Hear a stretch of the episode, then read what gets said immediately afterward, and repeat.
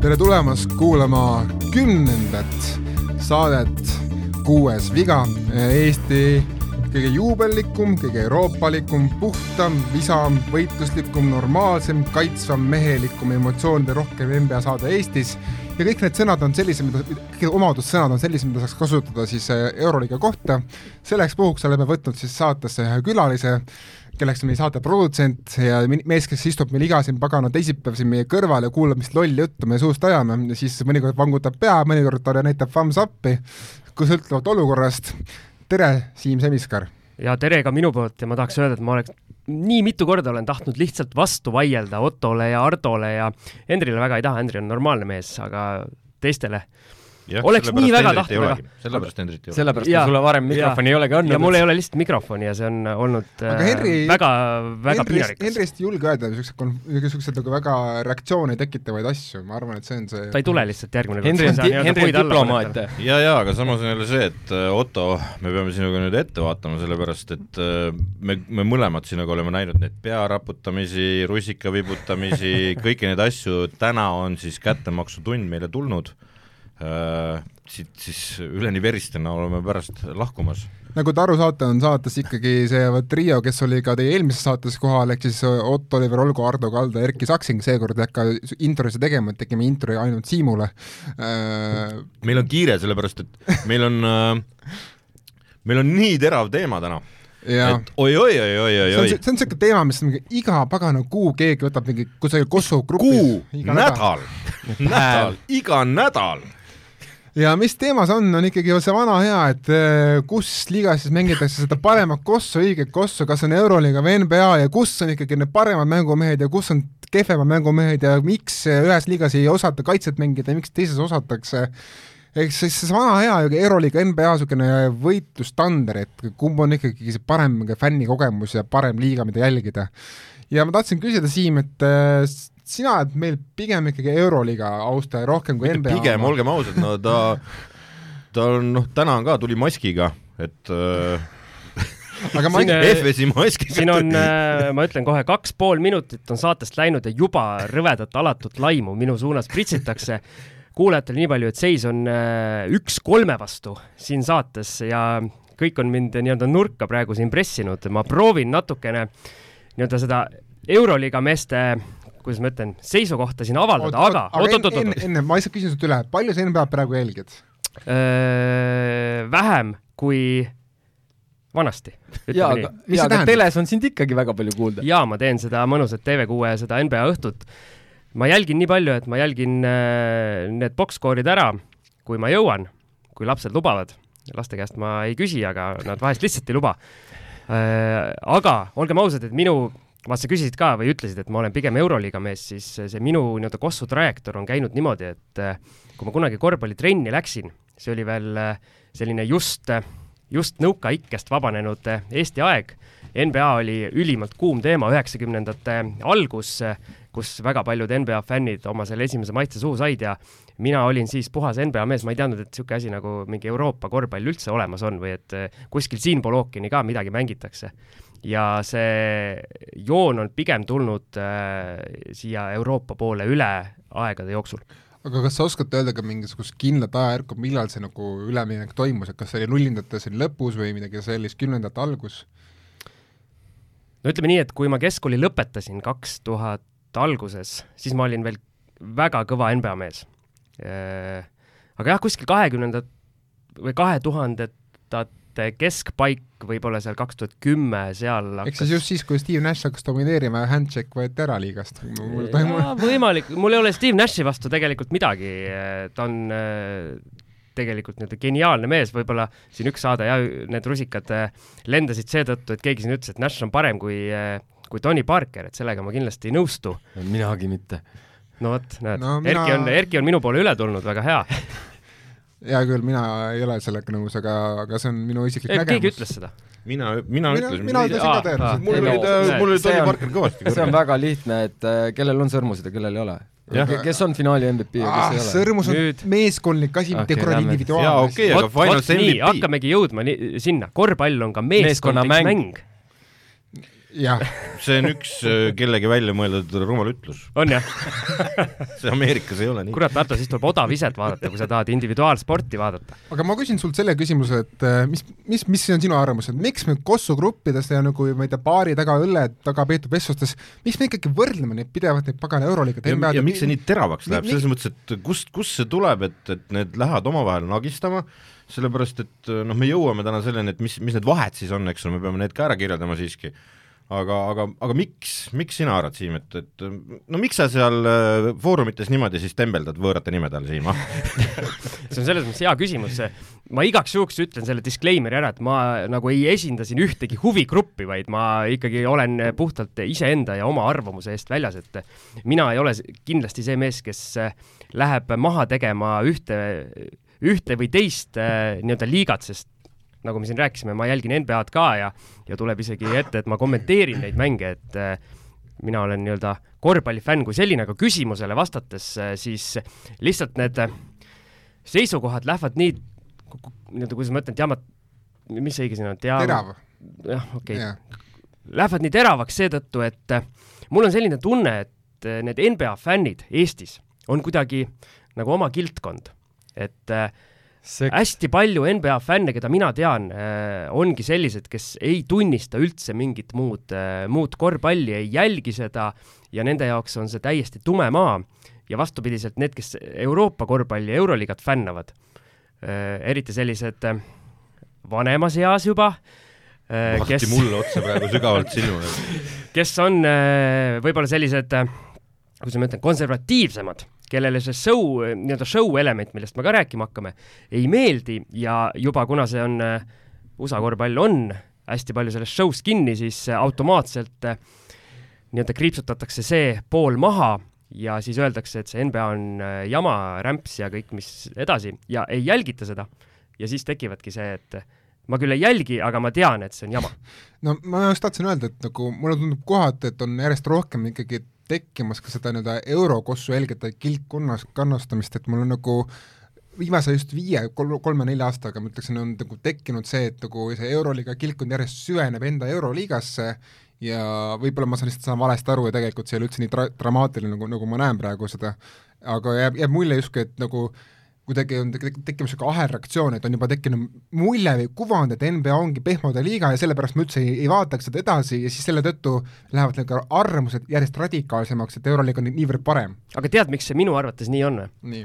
kui Ardo, sina tead väga hästi, kui Eesti aja alguses äh, näiteks äh, kolmekümnendatel vabariigi esimese vabariigi ajal esimese vabariigi ajal. okei, no nii vana sa ei ole. uue Eesti aja alguses üles kasvasid spordisõbrana, siis sul oligi täpselt niimoodi, et sul oli nädalas võib-olla mingi kolm spordiülekannet, sa panid kogu oma elu panid selle järgi, et ma saan olla teleka ees, vaadata ükskõik, mis kuradi spordiala seal oli, naiste maadlus tuli, sa igal juhul vaatasid, kuna ülekandeid oli nii vähe nüüd on see täiesti teistpidi. ehk siis see Euroliiga kiltkond saab põhimõtteliselt iga õhtu, kui Euroliigat mängitakse, ta saab vaadata kolme-nelja, kui kellelgi on veel mingid omad need mingid striimikanalid, pluss veel järelvaatamised, ta saab põhimõtteliselt vaadata kõik need mängud ära, mida tahab ja tekib küllastumus. ehk siis ei ole enam nii-öelda laia, laia jälgimist, et ma olin kunagi suur spordifänn, ma jälgisin kõike ja see lõppes ühel hetkel ära, kuna sporti on lihtsalt nii palju mm. -hmm ja sa ei jõua kõike jälgida.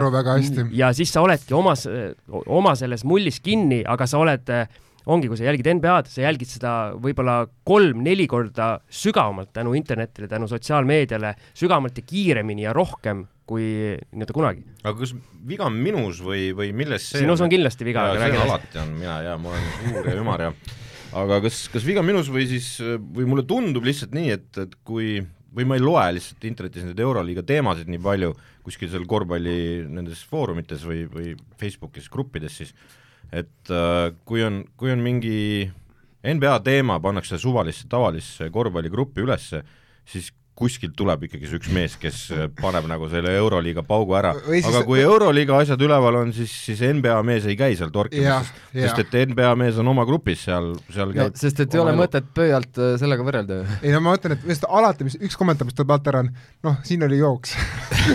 Et see on nagu mingi kusjuures äh, nagu selle meie tänase saate teema juurde tagasi tulles veel, et et ei ole Siim nii üksi väga midagi, et eh, Siim on poolteist, ehk siis mina olen erapooletu, et et mul meeldib lihtsalt hea korvpall, ma jälgin, ma jälgin tegelikult mõlemat, aga aga mi-, miks on see NBA nii-öelda nagu sest seal on parimad atleedid ja, ja tuleme ja, ja tuleme ja tuleb ja väga tähts-, väga tähtsal kohal on see, et et üheksakümnendate lõpus, siis kui äh, Müür sai NBA-sse ja siis, kui Hanno Tomberg tegi toredaid äh, saateid NBA tipphetked, siis kõik need asjad said nagu vaadatud ja tol hetkel seda Euroliigat ja ei olnudki. et tol hetkel Euroopa korvpall meie, nagu meie inimesed no selles mõttes Euroliigat kui produkti ei olnud oli me ei näinud seda. Euroopas, kuule, Kalev mängis äh, nii-öelda tollast Euroliigat, mida me ei näinud, meil oli Kalevi spordihallis olid mängus, et äh, meil see, oli väga hästi väga, see on juba väga ammu, aga ma mõtlen sinna no me, me olemegi üheks... vanad mehed, Siim. jaa, aga sinna jäi, sealt, sealt nendest jäi meil hapumaik ka suhu, et seda küll, jah. Ma muidugi ütleks vahele ära ka selle, et minu arust üks huvitav asi Euroliigaga on see, et Jonas Miklovas, üks Leedu väga hea korvpalliajakirjanik, ütles seda, et mis on nagu tema, tema tunneb puudust Euroliigaga, on ikkagi see, et Euroliiga meedia on täiesti nagu noh, väga nõrk Euroopas nagu laiemalt, et nagu NBA-s sa saad teada kõike mängijate kohta, nende noh, tätoveeringutest kuni nende kõige perverssemate nagu saladusteni välja, eks ole, ja Euro-, Euroliigas on sul see, et sul on pressikonverentsil on kohal tavaliselt kaks ajakirjanikku, nagu Joonas kirjeldas, kes küsivad sul kolm küsimust ja ongi kõik. aga tead, miks see nii on või? suuresti on see, et ikkagi see koosneb erinevate riikide, riikide klubidest ja need, kes on vaadanud näiteks Hispaania korvpalli või Itaalia korvpalli, siis Hispaanias ei ole niimoodi, et välismängijad tulevad ja hakatakse rääkima inglise keeles treenerid panevad töökeel, tihti on hispaania keel, sa kas saad aru, õpid keele kiirelt ära või, või lähed mõnda muusse nii-öelda klubisse rääkima. Eestis ja väikeriikides on mõnus, et nii-öelda treenerid panevad inglise keelt kõik. seda on ka rõhutanud väga paljud meie noormängijad, kes väljamaal mängivad, et eh, nad eh, peavad kõigepealt selle nii-öelda ema, kodukeele ära õppima hakkame, hakkame saagima, hakkame, hakkame saa-, hakkame saagima pihta sellest, et nüüd me oleme nii väga leppinud. jah, et äh, hakkame pihta sellest, et mis etteheited ikkagi NBA-le tehakse, hakkame sellest pihta. ja no me juba tegelikult käisime oma siin mõned vilksamisi üle, et äh, alustame siis sellest, et mis on üks põhilisi asju, et äh, NBA-s ei mängita kaitset äh.... ma ütlen vastu, et mängitakse küll, aga play-off'is. oot, neljandal veerandal ka? jah, kui on võimalik välja mängu tulla. Me jõuame selleni äh, kaitseni me alles jõuame. või mis ei, me jõuame me, jõua, nagu, me küsin... jõuame selleni, mis see minu arvates see põhjus seal on, aga, aga jah, NBA-s äh, hakatakse nagu kraane kinni keerama alates kolmandast veerandajast. et äh, si-, siis on nagu tekkinud mängust pilt ette, nad mängivad nii palju mänge lihtsalt, et sa Nad ei jõua füüsiliselt, see, see ka-, noh, kes korvpalli on mänginud, teab, et kaitses on raskem olla kui kuradi rünnakul. ja seal on nelikümmend kaheksa minutit on nelikümmend kaheksa minutit mängida, ja, ja seal on ka kolm tuhat reklaamipausi ka, ma ütlen. kuule, aga okei okay., Otto, kas me selles osas kõik neljakesi äh, nii-öelda nõustume, et nii. NBA mängu esimene veerand on äh, enamasti, ütleme kaheksal juhul kümnest, üsna piinarikas vaadata selles mõttes, kui sina eeldad ikkagi seda, et mehed, kes saavad äh, miljoneid, kümneid ja sadu miljoneid oma töö eest, teeksid seda tööd vähemalt selliselt, et äh, kõrvaltvaatajale jääks mulje, et ta teeb seda täiega uh,? Kaheksal ju kümnest on sul hea klausel oleneb, kes mängivad, ma küsin. kurat, see Clevelandi mäng oli jumala hea. see oli väga hea, ma ütlen äh,, eelmine kord me salvestasime kümnest on päris hea nagu klausel. jaa, jaa, aga see kaheksakümnest, ma ei ole päris sellega nõus, ma, ma ütleks, see on mängupõhine et äh, oleneb, oleneb, kuidas ja kes mängivad, et äh, mis on see varasem ajalugu? niimoodi, et, et, et kui, kui mängivad äh, liiga absurdne tipp ja mängivad liiga tolle hetke põhi, eks, siis seda on ikka põrgulikult igav vaadata küll. et põhjus on lihtsalt selles, et üks meeskond ei pea pingutama selleks, et võita tead, ma võib-olla siin isegi oponeerin, minu meelest võrdsete tiimide esimene veerand on äh, veel pasteedim, sellepärast Sest nad teavad, et nad teavad, et mänguks läheb teisel poolajal, äh, et see asi püsib võrdnena, nii-öelda võrdsena, ükskõik kui palju nad nii-öelda effort'it sisse panevad. ütleme, seesama see Jazzi ja Clevelandi mäng, mõlemad on praegu nagu keskmike seas ja oli see siis igav sul esimene veerand? ei, see ei olnud, ma ütlengi. ikkagi tipp. Juta on lääne kolmas. praegu ta on äh, ma sellepärast ütlengi, et nii-öelda kaheksakümnest, kuna nii-öelda tuleb ka häid mänge ette, kus äh, kohe hakatakse paugutama, aga ma toon nüüd võrdluse nii-öelda Euroliigaga, kuna see Euroliiga ühe mängu kaal on, olgem ausad, põhiturniiril oluliselt kõrgem, kui on NBA-s siis äh, seal ei saa lihtsalt lubada, pluss mänguaeg on lühem.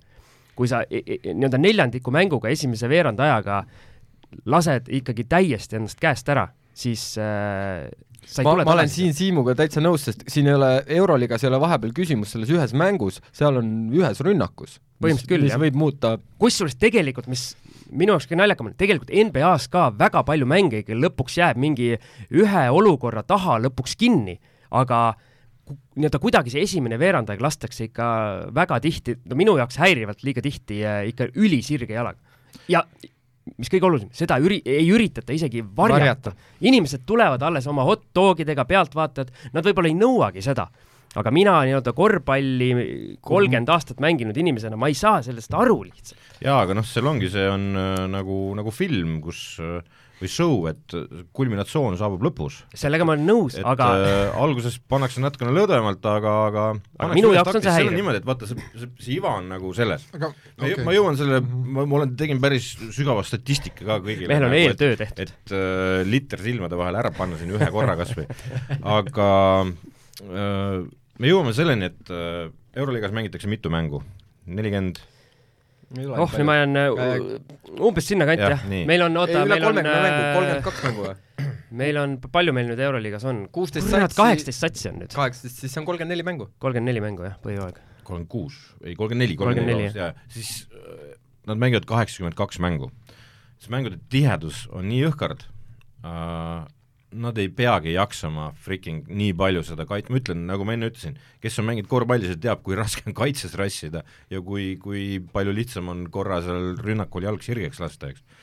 et äh, need, need mehed, need noh, sellise intensiivsusega, nagu mängitakse Euroliigat, eks, NBA mehed oleks jõuludeks omadega otsas, sest et nende mängugraafik on äh, noh, nii pekkis. Ma olen vähemalt nõus., vähemalt need liidrid, kes äh, on mingi kolmkümmend viis, kolmkümmend viis minutit mängus, kusjuures nemad ma olen ma olen nõus nende vabandus-, või mitte vabandustega, vaid nende põhjendustega, ma olen sada protsenti nõus, aga see ju ei muuda fakti, et see effort, mis seal esimesel veerandajal on, see jääbki madalamaks ja mõnele inimesele või väga paljudele inimestele on see häiriv ja võib-olla lükkab see NBA-st eemale. jaa, aga seal on vaata see, et äh, NBA mäng on kaheksa minutit pikem kui äh, Just, just, aga nii see-, ja siis ära vaata NBA mängust esimesed kaheksa minutit, vaata sama pikalt, kui sa vaatad Euroliiga mängu, täitsa normaalne korvpall on. See on tegelikult päris nii-öelda päevasoovitus minu meelest, et eh, see ei ole üldse halb mõte. no tegelikult on niimoodi, et äh, ma olen vaadanud nagu mingi mustmiljon filmi selle kohta, kuidas äh, NBA meeskonnad äh, näiteks reisivad ja, ja niisugused asjad, neil ei ole aega. lihtsalt ei ole aega ette valmistada ennast äh, põhjalikult kõikideks mängudeks. olen näinud äh, nagu seda, kuidas äh, mehed teevad äh, hommikusöögi kõrvale, sööklas lükatakse lauad kokku ilma pallita mängitakse mingeid kombinatsioone läbi õhtuseks mänguks omavahel äh, selleks, et äh, nagu kui, kui panna mingisugused kaitsed ja, ja, ja rünnaku joonised paika konkreetse meeskonna jaoks, see tehakse reaalselt hommikupudru kõrvale. et äh, ja neil ei ole aega, sest nad lendavad, magavad, lendavad, magavad nagu.. aga nüüd on see Euroliigas samamoodi. see ongi naljakas, et kui siin äh, ei toit, ole, ma jõuan selleni siin, ei ole. see on See- nii-öelda tippklubid on samamoodi, neil on ma, ma usun ka, et nad nii-öelda kaks mängu kindlasti nädalas, Euroliiga neid topeltvoore on juba palju, ei, see ongi, üks Euroliiga on hooaja ke- või selle Nagu nädala topel- keskel Ah. ja siis lõpus, nädala lõpus mängitakse koduliiga ja kui on Euroliiga topeltvoor, siis on Jah. kolm mängu. ah kuradile, ma räägin selle statistika ära, et see kuradi jura siin kinni panna.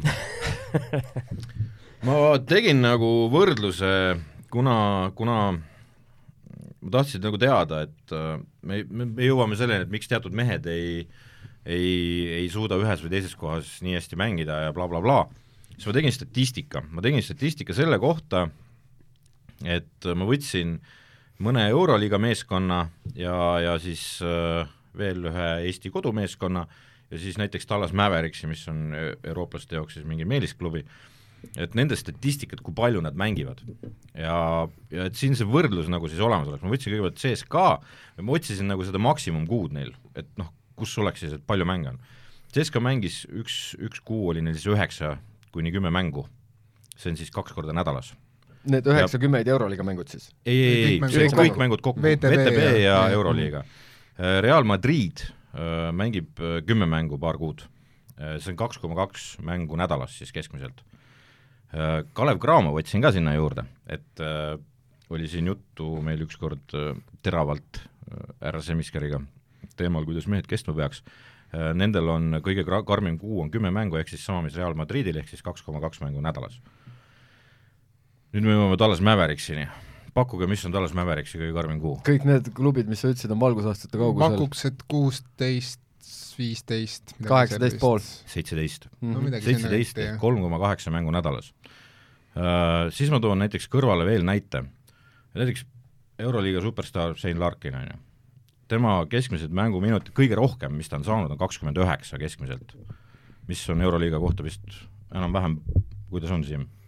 ma arvan, et tippklubidel juba üle kahekümne viie minuti on üsna, üsna erand nagu. Luka Dontšis paneb keskmiselt kolmkümmend neli koma seitse mängus, pluss ta mängib seitseteist mängu kuus. kurat, ma pean hakkama üles kirjutama neid, mida ma sulle kõik vastu ütlen selle peale või sa lõpetasid või? ei, no ma lihtsalt, ma tõin No statistika praegu vaata siin, eks, et mm -hmm. et see on lihtsalt nagu võrdluseks, kuna me oleme rääkinud põgusalt sellelt teemalt, kuidas mehed kestavad nagu mingisuguseid asju ja, ja mille põhjalt siis seal NBA-s seda jalga sirgeks lastakse, eks. seda jalga sirgeks lastakse sellest, et esimesel veerandajal lastaksegi jalga no, sirgeks, sellepärast et äh, mina ütlen selle vastu ka, et see ikkagi noh, minu arust hästi nõme nagu mingi öelda, et nagu tiimid, et minu arust on ikkagi, see on ikkagi hästi ka mängijapõhine, eri, eriti NBA-s, kus ongi ameeriklased ongi nagu noh, lihtsalt individualistlikumad loomused kui, kui eurooplased sa, sa sageli, mitte, mitte alati.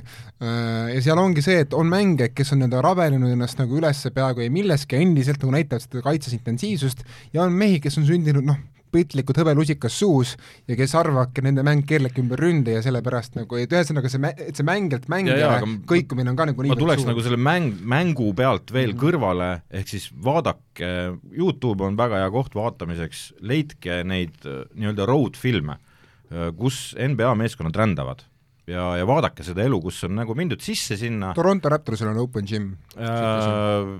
Utah Jazzi paari aasta tagune niisugune kaheosaline on Youtube'is üleval, on see mingi Inside Pass või mis iganes selle asja nimi on, see on põrgulikult hea, see näitab, kui jabur elu see on, et see on absurd tegelikult, see tõmbas nagu igasuguse säraselt NBA ümbert minu jaoks ära, ma vaatasin, mis asja, miljonärid elavad niisugust elu, et nalja teete või, et see, see, seal mitte mingit glamuuri ei ole, see on päris kohutav elu. Ma nüüd äh,, esiteks ma nõustun sinuga sellega, et äh, see ongi julm graafik, see on täiesti hullumeelne, see on äh, püsti pandud selle rahamasina pärast, vabalt võiks seal viiekümne mänguse põhihooaja teha, oleks oluliselt põnevam minu arvates, aga see selleks. mängijad seda kusjuures tahavad praegu ja, ja nii, aga viit, mitte viitekümmet, aga no, ma olen sellega nõus, et see on hullumeelne graafik ja, ja tihti need, et mängu alguseks ei saa käima, eriti kui on need lõunased mängud meie ajal, need nii-öelda superhea nii-öelda ajamängud, et seal vennad tõesti nii-öelda keskpäeval mõni vend on harjunud sel päeval seda päevast uinakut tegema ja nii-öelda see on reaalne põhjus, aga nii mida ma tahtsin sulle öelda selle nii-öelda rosterite kohta? kui sa nüüd tõid välja CSKA ja Madridi Reali, need on Euroopa põhimõtteliselt kõige rikkamad klubid. no tipud, ma võtsingi tipud nagu. just, nende rosteri sügavus on umbes kaksteist kuni neliteist meest. nii, seal lõpus Plus on juba veel Farm-klubist võivad sama palju üles no olgem ausad, seal Farm-klubi mehed ikkagi äh,, ikkagi ei, ei kanna mitte kuidagi, mitte kuidagi ei kanna seda asja välja. hooaeg tehakse ära, no ütleme umbes neljateist mehega, nii NBA klubis, palju mehi on? saab olla viisteist on mängu saab sees. olla isegi kuidagi kuusteist, kui on üks, kui, kui on üks vigane mängija okay. veel ka, eks ole, aga muidu on kokku seitseteist meest tiimis, aga ütleme nii, noh, neist päriselt on nagu rotatsioonis niisugune kümme, üksteist. kümme umbes, jah pluss NBA klubidel on sisuliselt piiramatud võimalused võtta endale ükskõik mis suvahetkel juurde mehi kümnepäevased lepingud, mis iganes need võimalused see tuleb hooaja lõpus, see, see hakkab peale all-star breaki. natukene rahulikumalt seal jah, see ei ole päris, see on Kogu ikkagi piiratud, selle, seal käib nagu päris tõsine mõttetöö nagu selle ümber sa... rahalised võimalused on sisuliselt piiramatud. selles mõttes, et sa saad võtta selle miinimumlepinguga ju ükskõik mis hetkel, mis mehe. ja sa võid väga hea mehe saada. sa võid, aga seal tekivad need rahalised igasugused komplikatsioonid, et ühesõnaga, kui sa oled näiteks selle luksusmaksu lähedal, okei okay,, ärme lähe nüüd okay. nii-öelda nüanssidesse, aga, aga põhimõte, et kui, kui mingi NBA klubi jääb näiteks olukorda, kus tal kõik mehed on vigased, neil on kaheksa tervet meest, kas neil on võimalus võtta üheksas ja kümnes mees endale või ja, ei ole? nii Euroopas sellisel tasemel muidugi mitte nagu nende eelmised no, see ei loe, see ei loe. see ei loe, nii, mul... Euroopas, kui me nüüd tuleme siia Kalev Cramo juurde, siis neil ei ole reaalset võimalust, kui neil on kaheksa meest, neil ei ole enam reaalset võimalust võtta seda üheksandat ja kümnendat. kui nad ei võta endalt Eesti, nii-öelda Eesti ise, esiliiga, esiliiga tasemel meest, kes äh, ja ma küsin, miks mängima. nad ei võta siis Erki raha pole noh. raha pole. seal on see, et kui sa võtad ikkagi No meil on esiliiga- täiesti, täiesti mingist äh, muust stratosfäärist äh, mehe nagu madalamalt tasemelt, siis, siis sa ei saa enam jaa, aga meie need esiliiga vennad kõik on ju NBA-sse minemas varsti. okei, nii, jaa, aga ma lihtsalt, mis minu statistika point oli see, nad ei peagi jaksama mängida nõus. tipptasemel korvpalli esimesed jaa, poolteist aga, veerandit aga sellega ongi kõik nõus, aga see inimestele ei meeldi. Ja jaa, aga siis vaata edasi sest et siis hakkab juhtuma. ja, ja see on jumala hea point. ma olen nõu-, ma olen väga õnnelik, et sa selle välja tõid tegelikult, et see on äh, täiesti reaalne nii-öelda soovitus, soovitus korvpallifännidele, et hakake vaatama siis näiteks teisest veerandist või vaadake teist poolel. või siis otsige mänge, kus on olukord terav juba alguses, selles mõttes, et äh, see ei ole endale graafikust lihtne leida, mina ei viitsi ka vaadata mingi prügiliiga vendade ja siis absoluutse tabeli tipu, ma tean, et need tabelitipud lo-, longivad võidule seal. et seal ei ole küsimust, mõnikord saab tappa ka. jaa, aga siis on mingi vend koju jäetud, nagu mul see Stifleri film eelmine kord. aga Sa ma arvan, oot, et oot, üks asi, mis ma tahtsin sulle öelda, mänguminutite kohta. minutil ja minutil on, On- väga suur vahe. Äh, seal on jah, kas sa mängid kaitses või ei mängi. just. ja mis intensiivsusega sa seal Lebron, väljakul oled. Lebronil on selle kohta üks kuldne tsitaat, et kaks minutit ei ole kaks minutit, ma seletan hiljem. jah, et äh, jõuame nüüd nagu nende erinevusteni, et, et äh, kus, kus on nagu see koht, et äh, miks mina tahaks öelda, et nende siga ja kägu nagu ja ma ei saa nendest klähvimistest seal internetis üldse nagu aru äh,, sellepärast et need on kaks täiesti erinevat asja, on Euroliiga korvpall ja NBA korvpall. miks neid võrreldakse, ma ei saa aru, sellepärast et Euroliiga on oma korvpalli ehitanud üles ühtemoodi ja NBA-l on täiesti teine suund. NBA suund on selge, see on show peale üles ehitatud, see on teenida raha. samas Euroliiga kuula nüüd, kas ma võin rääkida, kurat, vabandust, mees, vabandust. kui ma siia juba metsast tulin nagu, las ma siis puristan pisut. see on ehitatud show peale, väljak on tõmmatud suuremaks kui Euroliigas, kolmes joon on kaugemal. mehed äh, viimastel aastatel vähemalt kindlasti on valitud selliselt, et mäng oleks võimalikult laiali tõmmatud, mis äh, suurendab võimalust individuaalsele meisterlikkusele ehk siis läbimurretele, tonkidele, kiirrünnakute mahavõtmise suurele keelukust võid saada niisuguse ebasportliku vea, et sind saadetakse minema lausa, ehk siis show'le on see asi üles ehitatud. Lähed Euroliigasse, tähendab mängujoonised, ma ütlen NBA-s veel ära, et mängujooniseid on seal teatud hulk, aga plats on nii suur ja laiali tõmmatud mänguga, et neid pisikseid jooniseid saavad nad kasutada erinevates platsinurkades erinevate meeste vastu. Euroliigasse lähed, siis seal on see korvpall kõige puhtamal kujul, ehk siis kitsas rassimine äh, kaitsest nagu, lähtuv, jah, kaitsest lähtuv, väga ranges mängujoonises, kus eksimisruum nagu mingisuguse joonise alustamisega on sentimeetrites nagu. Sest et sul ei ole ruumi seal äh, nagu alustada joon, mängi, mängu joonistamist ühe koha pealt, eks ju, ühe katte pealt ei tehta Euroliigas mitte midagi. NBA-s käibki kõik ühe katte pealt. no okei okay,, kahe katte pealt joostakse, joostakse läbi sisse tavaliselt. aga noh, Euroliigas on, ma ütlen, see on see, et seal on see väiksem ja nii edasi ja nii edasi ja nii edasi ja, ja seal on see, see korvpall nagu puhtam niisugune äh, tõsine rassimine, kui sa tahad seda näha, siis vaata Euroliigat, kui sa tahad show'd saada enda jaoks, siis palun väga, NBA on, on Eestis täiesti kui vabalt tahad saada. show'd, siis vaata NBA põhiturniiri mänge. aga eh, mis ma, mis ma tahtsin siia Hardo jutule lisaks öelda, et et kui Euroliigas püütakse alati leida nii-öelda see nii-öelda vaba mees või mängitakse mängujoonis näeb ette, et et see nii-öelda staar või alfaisane ei võta, ma ei tea, ma ei tea, viiendal sekundil ja paneb lässi kuskilt peale, siis siis NBA-s ikkagi need äh, staarid võtavad vahepeal neid viskeid täiesti nagu müstilistest kohtadest, et äh, Euroliigas on see pool nagu jah, seal Euroliigas ei ole nii meeletuid superstaare, keda vaatama minnakse, ma arvan. ei, need Euroliiga superstaarid alluvad ikkagi sellele treeneri korraldusele. ja, ja selles mõttes ja, ja seal NBA-s on üleüldse mängijatel vabamad käed äh,, see on niimoodi, sest et kui on vabad käed, siis on rohkem show'd, rohkem show'd, siis on rohkem noh, raha. ma ütlen, need suure raha vennad seal NBA-s, nad on seda raha väärt, nad on väärt seda, et inimesed lähevad neid vaatama, kuidas nad need suured show'd nagu püsti panevad. et see, Euroliigasse lähed meeskonnamängu vaatama.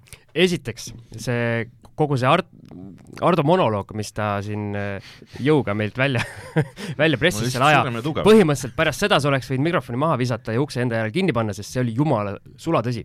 Sellega ma olen nii-öelda kirjutan täiesti alla, aga minu jaoks tulebki siin nüüd välja Aga- see, et Euroopa kossu austajad on sellised nii-öelda korvpalli mõistes puhtad konservatiivid, kes tahavad näha seda, nagu sa ütlesid, sellist äh, väikese ruutsentimeetri peal rassimist äh, niimoodi, et veri ninast väljas, midagi ilusat kohati ei ole ja naudivadki seda, et äh, mängupilt on kole seetõttu, et mõlemad tiimid lihtsalt panevad sada kümme protsenti endast sinna väljakule ja sealt ei saa midagi ilusat tulla. nii, ja siis see NBA on sellised nii-öelda liberaalid, kes tahavad nagu sellist mõnusat lahtist mängu, kõik õnnestub, võimalikult palju õnnestumisi, et kaitse on see jobu, kes eh, noh, et kui ma nagu ei üritagi kaitses mängida, siis ma ei saa nagu väga halba olukorda jääda, et siis las see ma las vähemalt proovisin. ja et ma vähemalt olin seal, et sest eh, minu jaoks kõige absurdsem eh, NBA mängude juures, kui nagu kehvasti mängitakse, ongi see, kuidas kaitses kümneid miljoneid saavad mehed suudavad eh, appi tulla selle ühe rotatsiooni.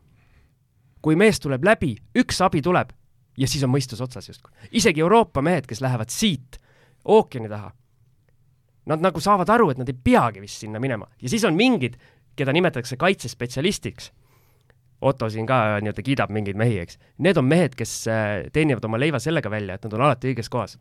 Ehk siis koristavad kõikide nende nii-öelda staaride ja jutt poolstaaride tagamängijad on, on sinu arust siis nagu sitad ja siis Ei, ei, keskel mitte ei, alati, see ei ole mitte alati, see ei ole positsioonipõhine, see on Siin puhtalt see see on puhtalt see, kas nad lähevad seda kolmandat äh, auku lappima või ei lähe. tihti ei minda ja siis ongi niimoodi, et kui sa oma mehe üle mängid NBA-s, siis põhimõtteliselt äh, sind enam ei takistata. okei okay,, NBA-s on üks asi, mida hea sõber Sten, kes meil ka siin ükskord käis, tõi välja, on see, et kui sa vaatad, kuidas NBA meeskonnad esimene veerandaeg mängivad, see on kompamine. see on puhas kompamine ja nad otsivad seda nõrka auku. jaa, aga kombata saab ka nii, et sa vähemalt jätad mulje, et sa ja, ja aga nad, annad nad otsivad seda nõrka auku ja kui sa mingi aeg vaatad, siis kuskil teise veerandi lõpus, tavaliselt kolmandal veerandil on neil selge, selle mehe pealt hakkame tegema ja siis hakatakse ehitama sellele Ja- ühele vennale seal nii, ma korraks segan vahele. see vend ei tee seda sammu, millest sa rääkisid. jaa, aga vaata, NBA-s nad kompavad esimese poole ja hakkavad teisel poolel siis sealt pealt nii-öelda punne võtma, aga Euroliigas on juba enne mängu teada, kust need match-up'id tulevad ja, ja kust nad need punktid saavad. öelda, et ka päris hea point, et Euroliigas on noh, neil on rohkem aega, neil on vähem mänge, neil on rohkem aega ja iga mäng Saavad on suurema kaalukusega, täpselt, nad teevad poole suurema eeltöö, nad, nad mitte teevad, neil on aega teha poole suurem eeltöö oma järgmise vastase jaoks. jah ja ei, et selle kohta ma ei tea, sest NBA see On väga palju analüütikuid, see abitreenerite pink lihtsalt seal Ja- meeskonna pingi aga- taga on nagu jaa, nii, nii ei, kuradi ei, ei, pikk. ei, Need on tekitatud töökohad. abi on Neil ei abi. ole aega, neil ei ole aega, füüsiliselt puudub aeg võtta mehed nii palju kokku, et mängida läbi mingisugused ma arvan, et see info hulk, mis NBA-s kogutakse, on suurem, aga nad eh, füüsiliselt ei jõua seda mängijateni viia, ma selles on arvan, et küsimus. äh, treenerite koondis teeb seal valiku, et Kindlasti. äh, me mängime nii ja me teeme need asjad kähku läbi nüüd. nii, ma võtan siis sõna, ma siin lasin, lasin, lasin teil vaielda, sest päris ühesõnaga meeleolukaks läks, läks jutt, aga tegelikult mul on hea meel, et siin tõi välja selle, mida ma ise nagu tuvastan või tunnetan ka seda hästi palju nagu Kossu fännide kilpkondade puhul, et, et ma olen täiesti nõus Siimuga, et mul on, mul on jäänud mulje, et, et Euroliiga fännid on need inimesed, kes armastavad korvpalli sellisel kujul, nagu nad noorena seda õppisid ja nägid. ja nad tahavad, et see jääks selliseks või vähemalt suures plaanis selliseks maailm ei tohi muutuda. või no või võiks jääda, võiks seda enam-vähem sarnase, mingid asjad elus võiks jääda samaks, eks ole. ja, ja tõesti, nagu sa ütlesid, NBA fännid on need, kes väga nagu tihti ütlevad thumbs up nagu uuendustele, eks ole, on, Innovatiivsed. on selleks siis kolme punkti joon, on selleks mingisugune uutmoodi nagu seitsme sekundiga üle ja viska peale, eks ole, nelja punkti vise tulevikus no nelja punkti vise tulevikus, ühesõnaga NBA fännid, ma arvan, et ongi keskmiselt liberaalsemad inimesed, kelle, keda ei häiri see, kui, kui minnakse nagu avastatakse mingi kõrva, kõrvalrada mingist korvpallist, mida, mida varasemalt tunti korvpalli nime all. et ühesõnaga, ja ma arvan, et siit nagu sünnivadki enamik konflikte, sellepärast et, et on väga suur hulk inimesi, kellel ei saa isegi pahaks panna seda, nad tahavad näha seda, millega nad arv-, kasvasid ülesse ja väga suur hulk inimesi, kellel on see tugev arvamus, nad ise tegelikult ei ärka öösel üles, nad ei näe, nad võib-olla parimal juhul vaatavad mingid kokkuvõtted ära ja siis nad kujundavad oma ja arvamuse. teine asi on ka see, et äh, miks mi,, mi, kust tekib veel see nagu see, see suur lahker lisaks nagu konservatiivsemale liberaalsemale nagu nägemusele võib-olla korvpallist on lihtsalt see, et et paljudel nagu NBA laitjatel on ikkagi ees see nii-öelda nostalgiline mälupilt, see on minu teooria, mitte, mitte, ma ei saa seda kuidagi tõestada. sa ei julge võtta Oot- nagu enda peale või? ei no ma okei okay,, ma ütlen oma teooria lõpuni, et äh, on, on palju, on palju korvpallifänne, eelkõige vanemaid korvpallifänne, kes siis nägid, kus NBA-d nii-öelda üheksakümnendatel ja nullindate alguses, siis kui oli handshake lubatud ja siis said igasugused mehed, kellel tegelikult mingisugust viske ja mingi hullu triblamisoskust ei olnud, aga oli olemas see kaitsemäng, mille tõttu nad püsisid platsil. Ja need mehed on tänaseks peaaegu eranditult NBA-st välja suret-, suretatud, et mõned üksikud mehed on veel, on, on, on alles, Ja no on üksikud. on need inimesed põhimõtteliselt, kelle arvates Jordani lõpetamisega lõppes ka NBA korvpall ära? Oh, jah, noh, no nii, nii, ja naa. Nõus no hästi suur muutus, mis oli või mis on ol- olnud nende aastatega, on see, et see klassikaline number viis kadus vahepeal ikka täiesti ära.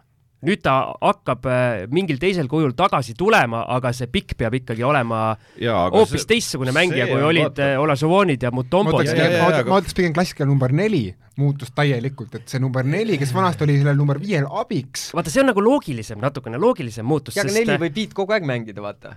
Kui sul on hea neli, ta võibki viie peal ei mängida. ma mõtlengi, et see nagu vana, vanasti oli jõuline äär, see mees, kes nagu aitas, aitas nagu kaitses, rassis lauas, aga kellel ei olnud mingit suurt viset tavaliselt, et see nagu muutus nullindatega ja kümnendatega peaaegu täielikult. jaa, aga see muutus tuli nagu Euroopas ka Just. Väga jõuliselt äh, nii-öelda kaasa, aga see minu meelest hoitakse Euroopas sellest nii-öelda klassikalisest tsentrist ikkagi äh, nii-öelda Kinni. kinni natukene või ütleme nii, et hea see- tava on, et igas, igas tippvõistkonnas on kakssada kümme sentimeetrit üks vend. jaa, aga vaata see, mis Ardo välja tõi, väljak on väiksem, mäng on palju kokku surutum ja see nii-öelda klassikaline viis ei muutunud äh, nii äh, nii-öelda miinusmärgiga asjaks kui NBA-s. ei, ei, seal on päris tõmmati te- te nii-öelda täiesti ribadeks kuskile täiesti teibasse siin, selles Ahah. mõttes, et äh, suur vahe on nagu selles, NBA-s äh, zone defense'i mängides sa saad kaitse kolm sekundit äh,, asi, mida e- Euroliigas ei ole. Ehk siis Euroliigas mängitakse päris palju äh, seda maa-ala, eks, Euroliigas mängitakse mingisugust variatsiooni sellest, kus keskmängija noh, reeglite järgi ta ei saa seal keskel olla, lihtsalt ei saa. pigem on niimoodi, NBA-s mängitakse ka viimasel ajal päris palju maa-ala varia-, erinevaid variante ja, ja, variatsioone nad mängivad. Euroopas tegelikult mängitakse väga vähe maa-alaga, lihtsalt see nii-öelda nagu tsenter, kes seal seda kolme sekundi ala haldab, ta ei pea minema või tihti ei lähegi oma mängijale peale ja, lihtsalt. ja aga tal ei ole vaja, sellepärast Jaa. et see pikk ei ole võimeline väljast viskama, Euroopas- sinna ronib, eks ole, ta parem on seal taga kaitses, et äh, kattest tulev sisselõikav mees ei saaks midagi teha. Euroopas see maa-ala ei toimi. kas ma Sorry. kurat võin rääkida? Erki, võta rahulikult. sellepärast jäigi Eurosse see alles, sest et see vend võib seal keskel vahtida, kaitsta kõik korvid ära. NBA on selle maha lõiganud, sellepärast et see vend võtab kõik show maha. see vend ei lase tongata, sealt äh, läbi tulla, see vend lihtsalt on jalus kogu aeg. ja sellepärast kasvas ka see nende viis hoopis teiseks äh, meheks, ta pidi hakkama suutma väljast viskama. sellepärast, et äh, ta ei tohi seal all passida, noh. tal need, need rammijad on läinud, noh. nõus, nõus. ja ma tooks, nii-öelda kuna meil aeg lendab metsiku kiirusega, siis tooks uue sellise nii-öelda temaatika sisse, mida me alguses natukene puudutasime ka, et et NBA korvpall, ma arvan, keegi ei vaidle vastu, on äh, mängija ja indiviidi põhine. superstaaride liiga, nagu öeldakse. Eurokos, ütleme nii, et äh, põhilise koore riisuvad ikkagi kõige häälekamad peatreenerid, kes on tihti suuremad staarid kui, kui mängijad.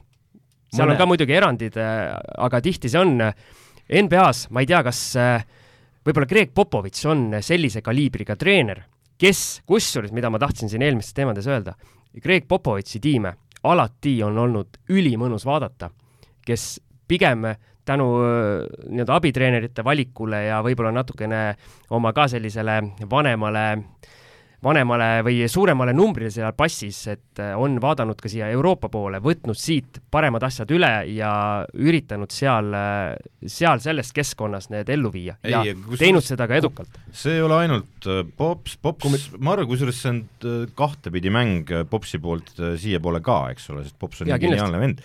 aga eks on NBA-s teisigi mehi, üks on näiteks Otto lemmiktreener äh, Snyder, CSKA kooliga. Jah, kes äh, tänu sellele, et ta ise siin on mänginud või mitte mänginud, olnud abitreener. on ju, siis ta on saanud aru, eks ole, kes, mis see, see kõige kuulsam Euroliiga treener on? Obradovitš. Obradovitš, tema joonised on see vend võtnud päris palju ja kasutanud neid sassis ära ja edukalt kasutanud ära.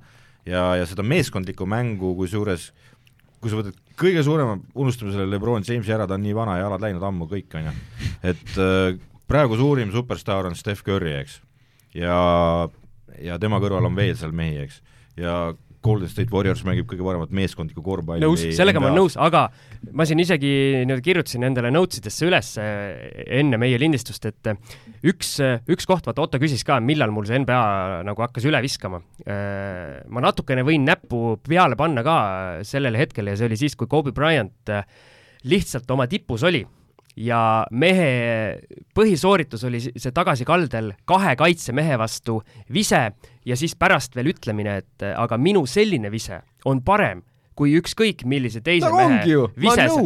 Come on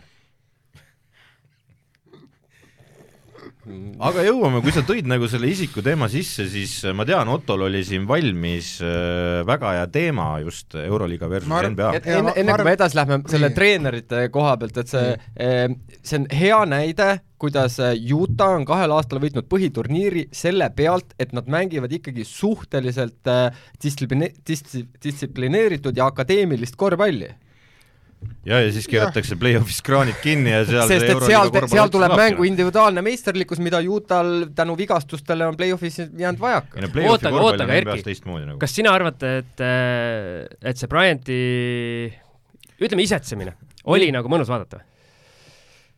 noh jaa, aga kui, kui juba Kobe Bryant viskab, siis see ongi parem vise, kui ma ei tea, enamik seal nii, okei. okay., sellega ma võin isegi kuidagi nõustuda, aga nii, ja siis oli NBA-s umbes sada wannabe Kobe Bryantit, kes vaatasid, ahah, Kobe võidab sada... tiitleid selliselt, et paneb üksinda kahe vastu, tagasi kaldel, nii, ja siis hakkasid mingid igasugu suvalised mehed hakkasid kahe, ütleme nelja käe vastu siis vägistama igast asendist. Nad tahtsid highlight, nad tahtsid topi, nad tahtsid topis olla.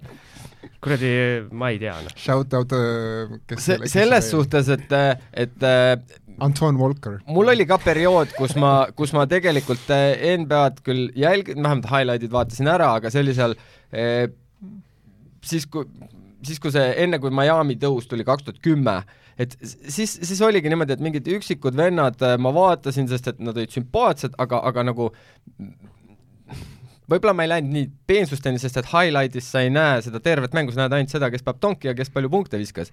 aga, aga ütle nüüd välja, mis sa mõtled, ära keeruta yeah no parimad mängijad on ikkagi jätkuvalt NBA-s. Äh, sellega ma olen nõus. ütleme, ütleme, kui me, kui me, kui ma tahan kui ma tahangi sellist, äh, ma ei tea, üle välja äh, täielik hakkimine, kõik äh, sööduliinid kinni, siis noh, see on Euroliiga.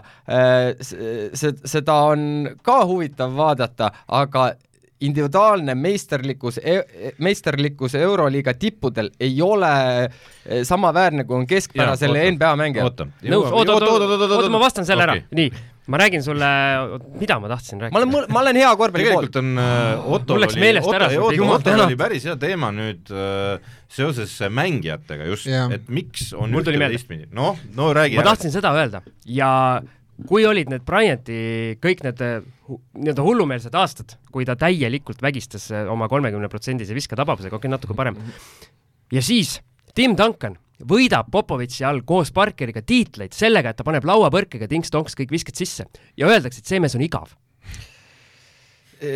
ega vaadata, ma pigem vaataks seda Kobe tagasihüppelt kolme mehe vastu, kui äh, seda pool haaki Duncanit. nii, okei okay., see... siis ma küsin su käest.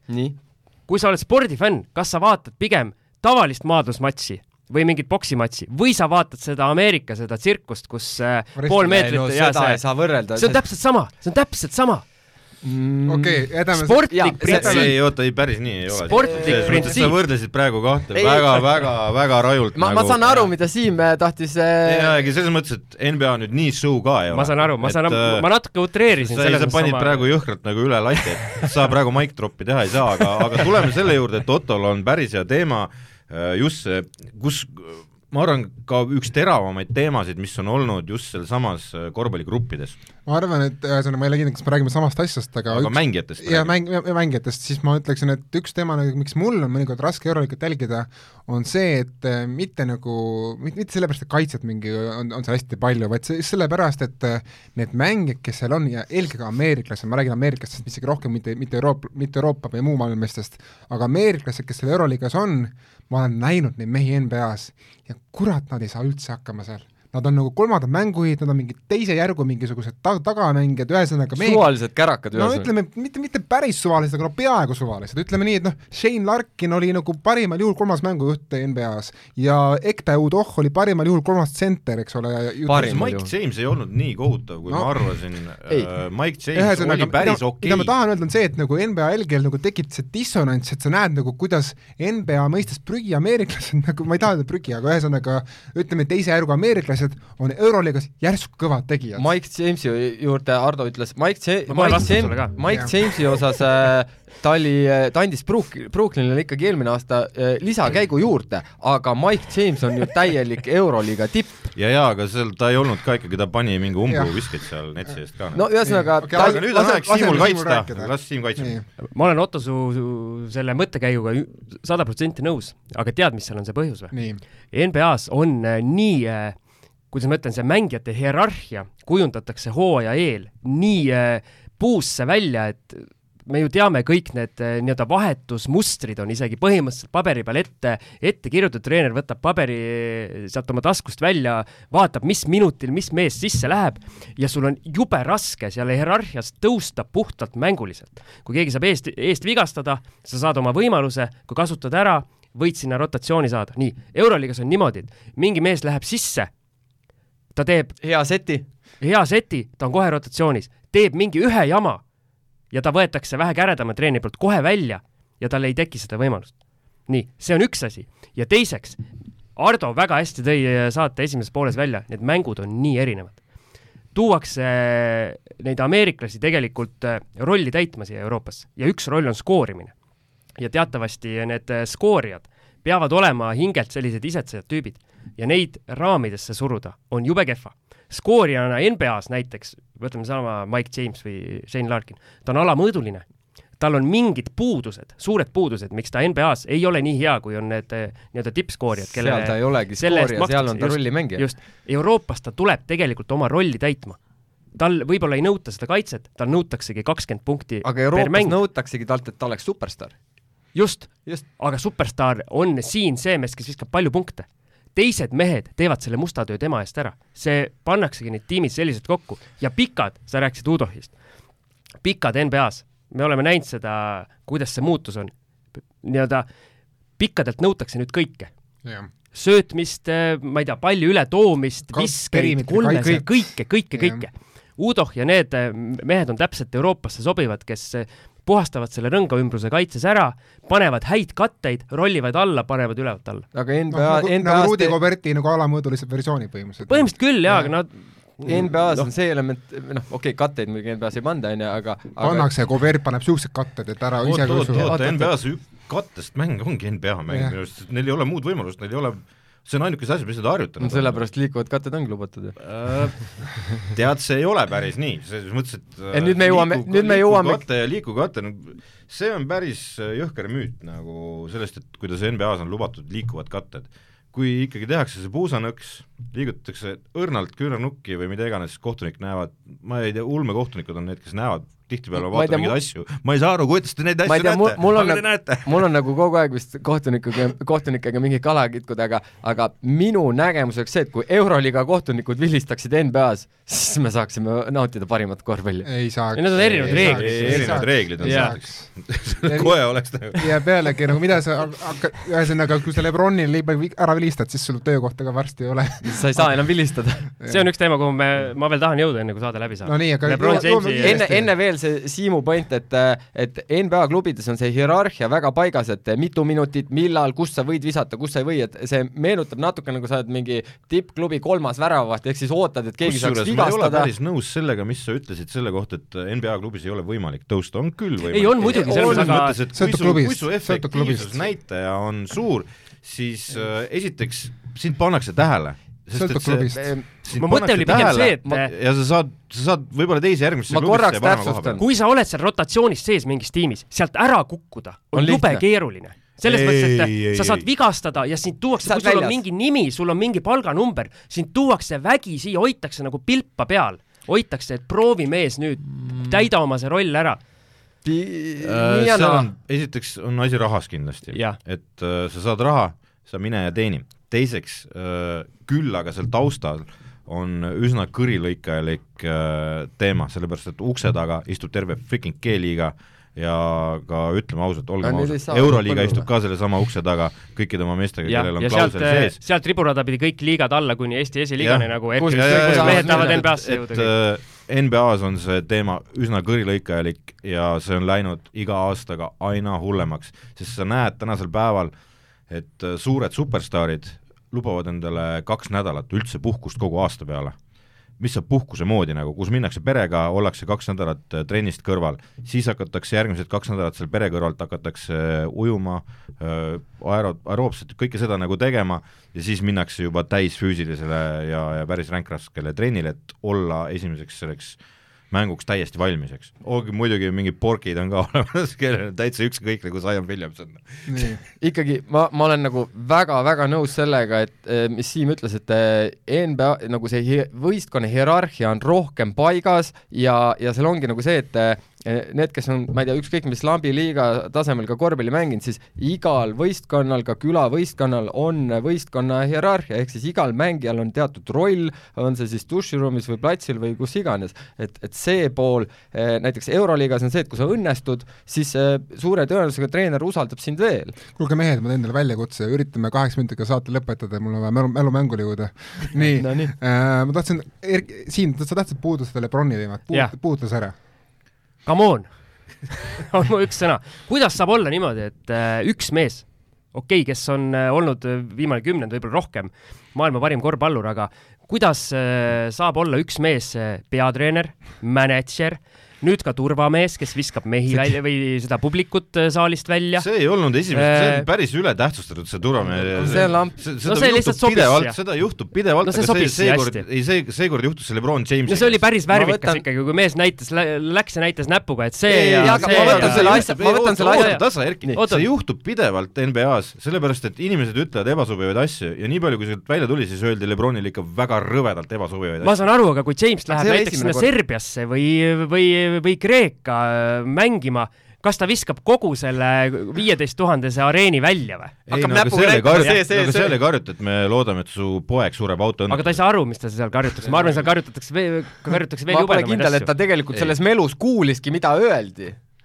või noh, ei noh, ei, asi pole see, ma ei tahtnud üldse sinna puudutada, las see olla, viskas välja, siis viskas, aga kuidas tema või ütleme siis üks mängija võtab õiguse endale olla kogu liiga sisuliselt mingil hetkel, kui olid need jamad, Siim, tohib, ma vastan sellele? ei, ära vasta praegu, ma tahan veel kui sa lõpetad, siis tahad üks-, tahad aurata siin? üks minut rändin ja siis äh, annan sulle võimaluse, sest see on, minu meelest see kahjustab kogu liiga usaldusväärsust, mainet, parim mängija peab, kui see on, kui NBA tahab olla spordiliiga, siis parim mängija peab oma asjad ära tegema väljakul, näitama sellega, kes on parim ja tooma neid asju esile, mitte seda, et äh, ta võib neid oma sotsiaalseid asju teha, nagu Ottole nii-öelda meeldib, et ta teeb, aga see on liiga läinud äh, nii-öelda seotuks selle liigaga. pluss siis oma meeskonna see ülesehitamine mängijana olles, treenerist ülesõitmine juba kümneid aastaid. häbiväärne. Minu meelest on see häbiväärne. juba viimased, ma ei tea minu. meelest on see häbiväärne. jaa, aga eh, mu, minu vastus sellele, mis sa küsisid, siis eh, ongi see, et aga mis on eh, Lebroni hüüdnimi? King. aga kuningas ju ei eksi. jah, aga kas. Euroliigas natukene Kui- vaata sa enne ütlesid ise, Siim, et äh, Euroliigas oo, treenerid on need superstaarid. kas Euroliigas natukene liiga palju treenereid ei ole, et mõni mängija on seal ikkagi nii andekas, et laske kurat mängida tal, noh. ja võib-olla jah, no mingid asjad, nii-öelda mingid mehed keeravad kindlasti vinti üle, aga see on seal selle nii-öelda Euroliiga show osa, vaata, et, et treener karjub, räuskab ja, ja rõvetseb, et ja saavad rohkem palka kui mängijad mõnel korral. ma ei tea, kas saavad, noh. No mõnel juhul jah. Saaras saab väga suure summa. jaa, no Jassi No, no, Keevis, no kui sa oled äh, nii-öelda sellise kaliibriga see on kõik mängija kommi raha olnud, võrreldes eh, sellega, mis ookeani taga on. jah, seda küll. Äh, ei ole päris nii, ma ütleksin üks asi, mis on veel Euroliiga NBA vahe, on see nii-öelda rekordite, statistiliste numbrite mingi hull fetiš, mis on, mis NBA-s on, et ma ütleksin, see on küll nagu ma isegi julgen NBA fännina tunnistada, et see numbrite tagaajamine liiale. täpselt, täpselt, täpselt Seal on ajalugu. see ei ole, seal on jälle, see on see on, see on kultuuriline teema. Ei, on see on ajalugu. kultuuriline teema, see on see show toomine ehk siis inimestele näitamine, kui äge see kõik on, eks ole. aga teeme ühe selle olulise teema veel läbi, see, mis kogu internet on seda pinget täis, seda just Eesti internetis ei ole seda, aga välismaa internet on seda paksult Nii. täis. euromeeskond mängib äh, NBA meeskonna vastu, kes võidab? oleneb, mis mees... kümnest korras, kümnest korrast, kui palju võidab äh, euromeeskond, kui palju võidab kas on tegu play-off'i tiimiga või prügitiimiga? Äh, võid erinevaid näiteid tuua, palun väga. no ma arvan, et äh, kui näiteks ma ei tea, tippajad CSKA, ma mõtlen see, kus kunagi, ma ei tea, Müürsepp, kus nad kõik võitsid, on ju, kui see, et CSKA mängiks tänase Oklahomaga, siis võib-olla isegi fifty-sixty, aga muus mõttes, kui juba mingi play-off'i tiim, siis no chance kas sa küsisid sellepärast, et sul on tehtud statistika ka, jah? ei ole. ei ole või? kuidas sa tuled ettevalmistamatult äh, niimoodi saatesse? tähendab, statistikaga on see lugu, et äh, vaata, need Euroliiga ja ja NBA meeskonnad ikkagi vahel omavahel kohtuvad. hooaja eel, hooaja eel, väga valel ajal. ja, ja kurat, see on, see on, see on, see, see on üks, üks päev on ta NBA meeste vabandus ja teine päev on ta Euroliiga meeste vabandus. rohkem on ta Euroliiga meeste vabandus, sest et tulemus on niipidi rohkem olnud, aga peab tunnistama, Euroliiga meeskond on võitnud NBA meeskonda. korduvalt. ma ütlen selle peale niimoodi, minu meelest need klubide omavahelised mängud ei ole nii hea näitaja kui näiteks koondiste, nii-öelda USA koondise vastu mängimine mis mu üks lause oli, mida ma tahtsin suht saate lõpus öelda, ehk siis ma nõustun kõigi nende NBA fännidega, kes ütlevad, et parimad mängijad on seal ookeani taga, selles pole kahtlust, mitte keegi ei kahtle selles. aga minu väide on see, et paremat korvpalli, minu hinnangul, ma nüüd ei võta ühtegi, ühtegi nii-öelda selja taha konservatiivset hoiakut jaa, et minu hinnangul paremat korvpalli mängitakse nii-öelda selle Euroopa stiili järgi. No.. aga kui Ameerika koondised näiteks, toome näite, suudavad natukene kohanduda või, või siis NBA klubid Popovitši näitel ja San Antonio Spursi näitel suudavad kohanduda selle Euroopa stiiliga natukene ja mängida selles joonises, siis pole mitte vastu. mingit küsimust mm. -hmm ja seda üt-, näitab ka olümpiad, MM, MM-id, et kui mida, no mida rohkem kokku mängitakse USA tiimis, seda paremaks asi läheb, ma ütleksin, ongi see, et võib-olla FIBA süsteemis ja FIBA reeglite, Euroliiga reeglite järgi siis tavaliselt nii-öelda võib olla isegi Euroliiga tiimil hea šanss, aga kui on NBA reeglid, no siis pole noh, see Euroliiga tiim ei tee mitte midagi selle ja, ja, aga teine asi on ka see, et kui me, kui me jõuame sellisel. nende MM-ide ja olümpiamängudeni, kuhu sa, Siim, tahtsid korraks jõuda, siis me jõuame selleni, et ükstapuha, kes selle võidab, siis tassijaks on NBA mehed no, jah, aga see on sellepärast, et nemad on maailma parimad freaking korvpallurid. jaa, aga nad, nad ei mängi seal koondises äh, tihti ikkagi seda mängu võib-olla, mis nad NBA-s mängivad, okei okay. jaa, aga raamitamatakse oluliselt kokku ju Fibas. oota, enne ja, jaa, muidugi, jah, ja, ja, ja need äh, koondiste liidrid tihti on ikkagi NBA-s, nad ongi rollimängijaks toodud. kuulge, lõpetame enne kui me Otto laseme sinna nii. mälumängule, siis äh, mina võtaks selle nagu kokku niimoodi, et kui siin meie, meie Euroliiga eksperdid räägivad, ma ei tea, mis iganes nimedest, on nad siis Veselid või või mis iganes ja De Colo fännid, siis need on ikkagi need mängijad, kes NBA-s, olgem ausad, ei saanud hakkama, aga Euroliigas on nad täielikud staarid. kogu lugu okay,. jaa ma..., oota, võib ma ütlen lõpetuseks okay.? võta sa midagi kokku yeah. ja ma lõpetan no, selle teema ära. Yeah. lõpeta. nii, ma lõpetan selle teema ära sellega, soovitus kuulajale, kui sa tahad minna vaatama mängu äh, koha peale, siis NBA mängu koha peal vaatamine on totaalne jamps meile kui eurooplastele eriti. see on korraks see melu, aga tõeline darbi, kui sa tahad tunda niimoodi, et see saali õhk võngub publiku taustal, siis see on ainult Euroliigas, NBA-s sellist asja ei ole olemas. tead, kus mina kokku võtan? Play-off'is mitte. ja mina olen see, isegi play-off'is ei ole seal niimoodi. ah, sõltub, okei okay.. ei ole, ei ole, ei ole sellist asja, kus äh, nagu Otto ei ole. usu mind, ei ole, kui, sest lihtsalt ei ole ja seda ütlen mina kui tegelikult NBA fänn, ehk siis kui te tahate minna ja saada mingi jõhkra elamuse nagu, kus nagu sa hingad ja ka sellega, mismoodi platsil mängitakse. inimeste arusaam jõhkrusest on nagu erinev, aga hea küll. tead, mis mina, mismoodi mina kokku võtaks? ma ütleks mõlemale poolele, nii NBA fännidele kui ka Euroliiga fännidele, kes tahavad üksteisele nii-öelda puid alla panna või seda vaidlust enda arvates nii-öelda ära võita, on see, et kui sa oled Euroliiga fänn, siis aktsepteeri seda, et NBA-s see põhijooaeg Ardo ja kõikide teiste välja toodud põhjustel ongi, ongi selline, kus äh, mingitel hetkedel kindlasti sada protsenti välja ei panda, see pikk, palju minuteid ja kõik, aktsepteeri seda. ja jälgi siis äh, NBA-d play-off idest, sest play-off korvpall on hoopis midagi muud, eriti need tiimid, kes jõuavad juba tõesti kaugele. Need mängivad äh, hoopis teist mängu, kui kui nad ise põhiturniiril mängivad ja kui üldse põhiturniiril selline keskmine, keskmine NBA mäng on olen, jaa, olen aga väga nõus. jaa, ma olen nõus ja eriti hea soovitus on see, et vaata mängu hooaja sees ka, aga vaata alates, alates ütleme teisest poolest, sa saad kaua just, magada esiteks just. ja sul ei ole nii palju vaja üleval ma olla. annan, ma annan soovituse neile, kes äh, plaanivad nagu öösiti korvpalli vaadata, mina teen niimoodi, et ma panen äh, alarmi kuskil kolm kolmkümmend ja siis vaata nagu see Portland hakkab viiest ja Golden State, mu lemmikvõistkond algab ka viiest, et siis ongi see, et äh, vaatab need ära ja siis läheb päevatoimetustele. aga NBA fännidele mul on ka soovitus. Ja soovitus on selline, et äh, ma tean, et teie liigas nii-öelda, teie liigas on äh, maailma parimad korvpallurid, aga arvestage sellega, et maailma parimad korvpallurid, sulgudes Lebron James, ei ole ainus põhjus, miks saab äh, korvpalli nautida. nautida saab ka oluliselt madalama tasemega mängu, Euroliiga nüüd liiga oluliselt madalam tase ei ole enam, õnneks. aga näiteks kõik need, mis iganes, kas või Eesti liiga mäng võib olla oluliselt nauditavam sportlikus printsiibis kui NBA mäng. see, si-, siin ma ütlengi, et õn-, õnnestus vaadata viimast meie eh, Viimsi ja, ja selle TalTechi mäng. TalTechi mängu ja siis Seal küll midagi nauditavat ei oli Eesti meistriliiga areng on olnud viimase viieteist aasta jooksul ikkagi väga, kuigi meeskondi on juurde tulnud ja supp on väga lahjaks läinud ja igasugused kährikud saavad ka meistriliigasse, siis eh, no Erki, ma ei tea, sinu äh, nii-öelda no sind oli vaadates kunagi siis oli kuus võistkonda kuus võis võistkonda, siis on raske. aga, aga see mäng on, nad mängivad hästi. Nad mängivad hästi ja mitte, ma ei räägi isegi, ma ei räägi ainult Kalevist, meil osatakse mängida korvpalli Otto tahab hullult ära minna. oota, NBA puhul, kuule ma viskan su ära, okei okay,, kui sa meil, meil, meil on taksod, okei okay,, noh. okei okay,, et see Noh. äh,, kui sa vaatad NBA mängu laivi, nagu koha peale lähed mm. -hmm. siis sul on võimalus, koha pealt ja telekast on täiesti erinevad asjad kusjuures.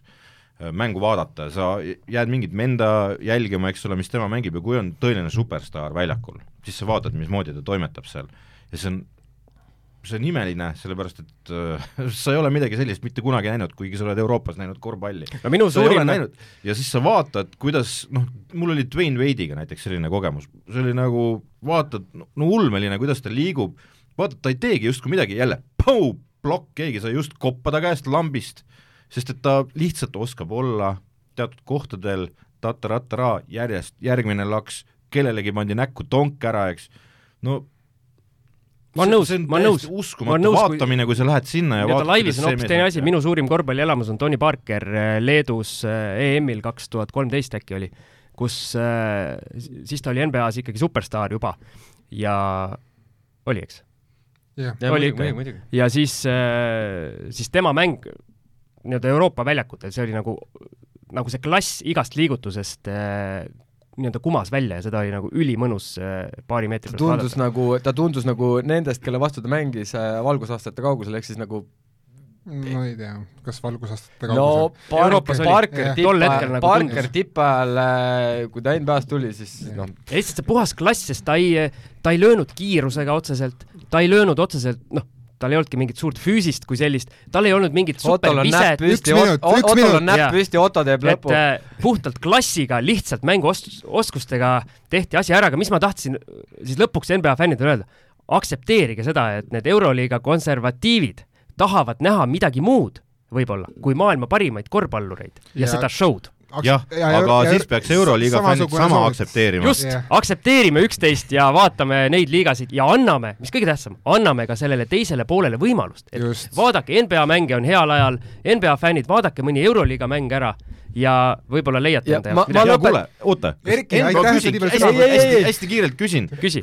euroliiga, euroliigas on äh, ka ju prügimänge. ma okei okay,, Absoluutselt ma arvan, et mitte nii palju, ma arvan, et on, ma arvan, et on paslik lõpetada Priit Tomsoni raamatu sõnadega, et armastagem ja mängigem korvpalli, sest see on maailma kõige ilusam mäng ja täpselt nii ongi võ- sest, äh, mõistlik laiali minna. Ottol on juba kampsun ja sall seljas ja mees äh, tšau. aga mis siis on, kas ma lõpetan ise selle saate, nüüd on täitsa, saatejuht läks minema. solvus millegi peale maailmas Ei. esimene, esimene kord, kus äh, otse-eetris, ei, me ei ole ole otse-eetris, me ei ole õnneks otse-eetris, ole, pole hullu. ootame Otto tagasi. Oota, me saame jätkata siis. aga tegelikult on sul, Ardo, siis mingeid lõppsõnu, et ma äh, tahtsingi öelda, et, et parima Darby enamus, elamuse saad sa äh, Euroliiga mängust, aga olles ise nagu näinud äh, NBA mängu, kus mängib tõeline superstaar, siis see on äh, ka platsi sa ei lähe sinna selle melu pärast, sa lähed vaatama seda superstaari. aga oled sa nõus siis, et NBA fänn peab nagu aktsepteerima seda, et äh, no neid miinuseid, mis sellel liigal on. võib, ma segan vahele, et kui NBA fänn saab korvpallist nagu reaalselt aru, kuidas see mäng äh, nagu toimib, siis loomulikult ta peab äh, aktsepteerima Euroliigat. ei, oota nüüd, selles mõttes, et enamus NBA fänne elavad NBA kõrval, ehk siis Ameerikas. Nad ei pea mitte midagi ei, aktsepteerima ma. mõtlen äh, madal IQ Nad ei-, nad madal ei- IQ ja arusaam pallimängudest. no Erki, ärme, ärme nii madalale lange. selles mõttes, et nüüd okay, see oli nagu päris halvasti öeldud inimeste Jah. kohta, aga nad, nad ei peagi aktsepteerima eurokorvpalli, sellepärast et äh, nad ei pea seda vaatama, no nad ei pea kellelegi puhtalt, vaidlema, räägime puhtalt nendest fännidest, kes äh, siin meie kodumaal neid nii-öelda üksteise suuda, üksteise suunas neid me oleme teravusi. sinuga praegu siin edasi-tagasi tulistades nagu jõudnud tõeni, eks ole, et mõlemal on õigus, aga NBA mehed lihtsalt on vähe kõvemad. jah, NBA mehed on vähe kõvemad, aga Euroopa korvpall on lihtsalt natukene ilusam. kas just ilusam Euroopa ta on äh, klassikalisem ja fundamentaalsem? mis Äh, teeb ta ka minu silmis ilusamaks.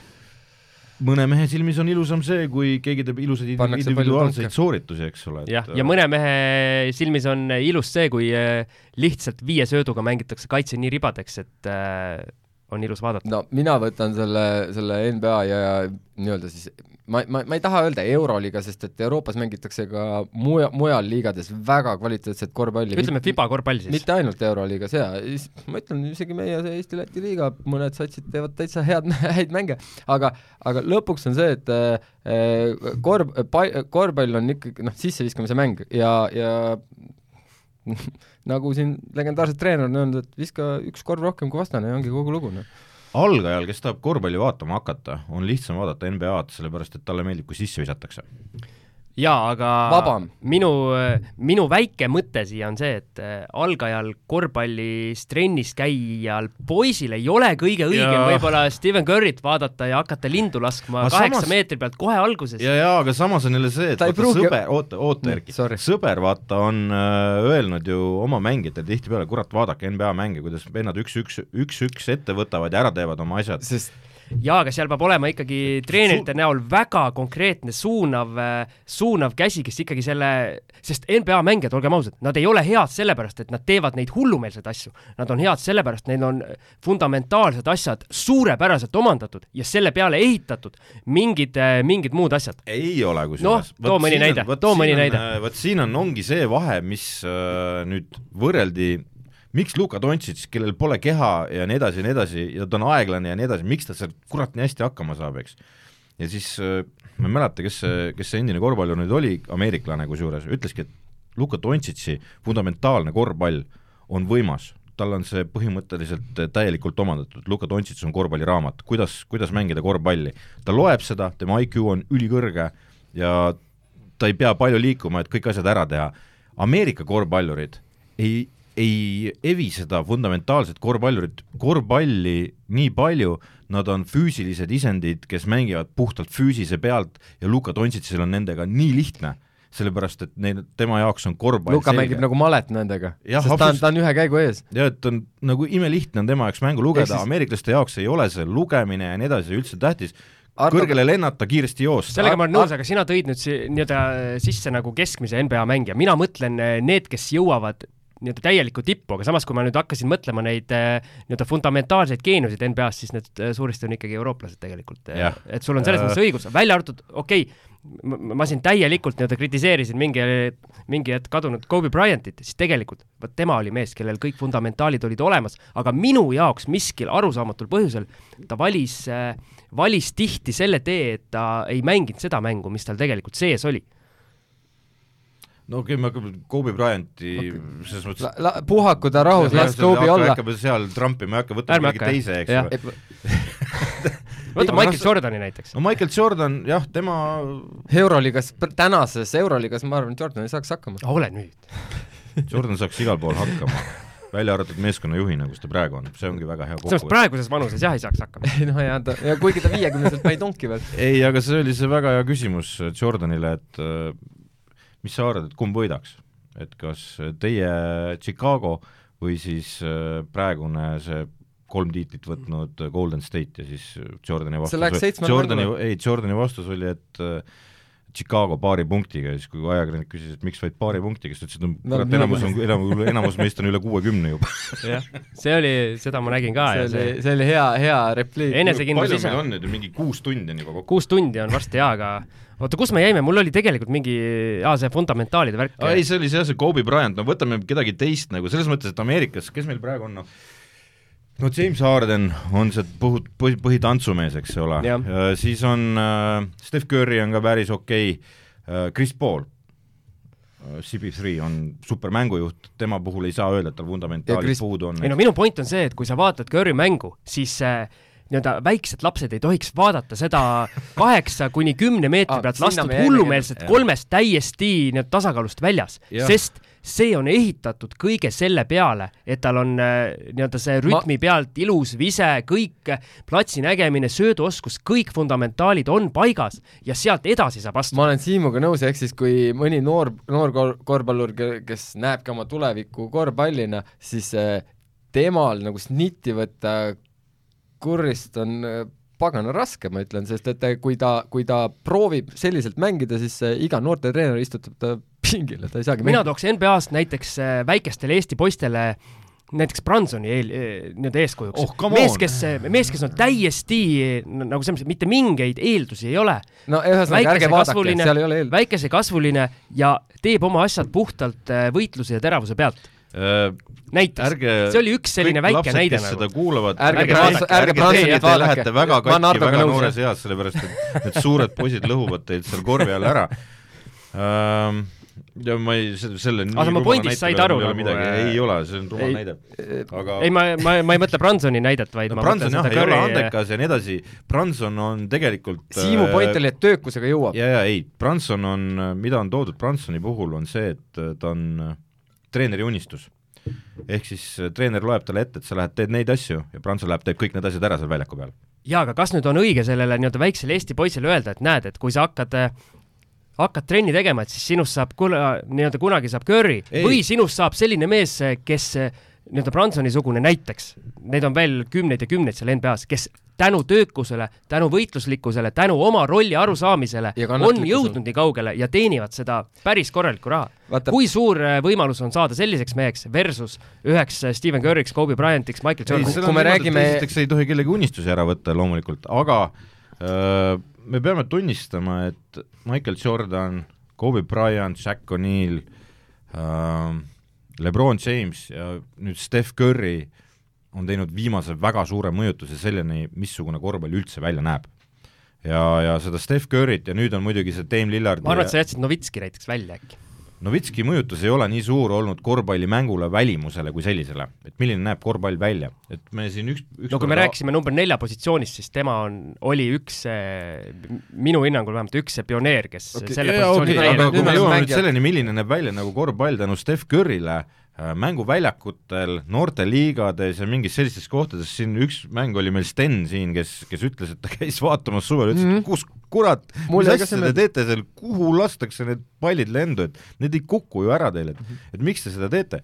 Steph Curry mõjutus ja, ja kui sa vaatad, kuidas on tulnud liigasse mängijad äh, kes mingil oma eluhetkel nüüd on näinud seal äh, eelmise kümnendi esimeses millalgi, kui see Steph Curry ajastu algas, eks ole, et kui sa, kui nemad on näinud seda Steph Curry mängu, siis äh, see, need inimesed on tulnud nüüd NBA-sse ja nad mängivad seda, seda samamoodi nagu Steph Curry, olenemata sellest, kas nad on äh, nii andekad või ei ole. üks jube hea näide on äh, kuradi Ice Trey, Trey Young, eks ole, kes laseb ka poolel lennu pealt neid lahti, eks ole. ma olen sinuga sada kümme protsenti nõus, kui see võimalik oleks.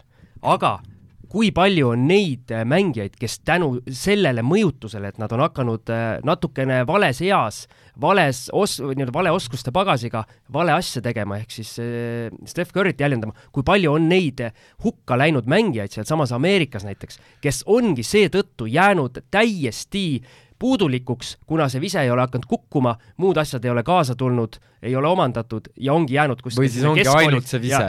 jäänud nii-öelda keskkooli oma väikse piirkonna keskkooli superstaariks ja seda järgmist sammu ei ole suutnud teha. Al Bondid korvpallis ühesõnaga, et äh, kes tahab, siis Youtube'is on päris palju filme selle kohta, kes oleksid võinud olla päris goat'id äh, korvpallis, üle maailma parimad, aga nad ei jõudnud kunagi isegi ülikooli meeskondadesse, vaid mängisid kuskil väljakutel, kus siis kohati mõned vennad said mängida NBA mängijate vastu ja nad hävitasid need NBA mängijad tol ajal.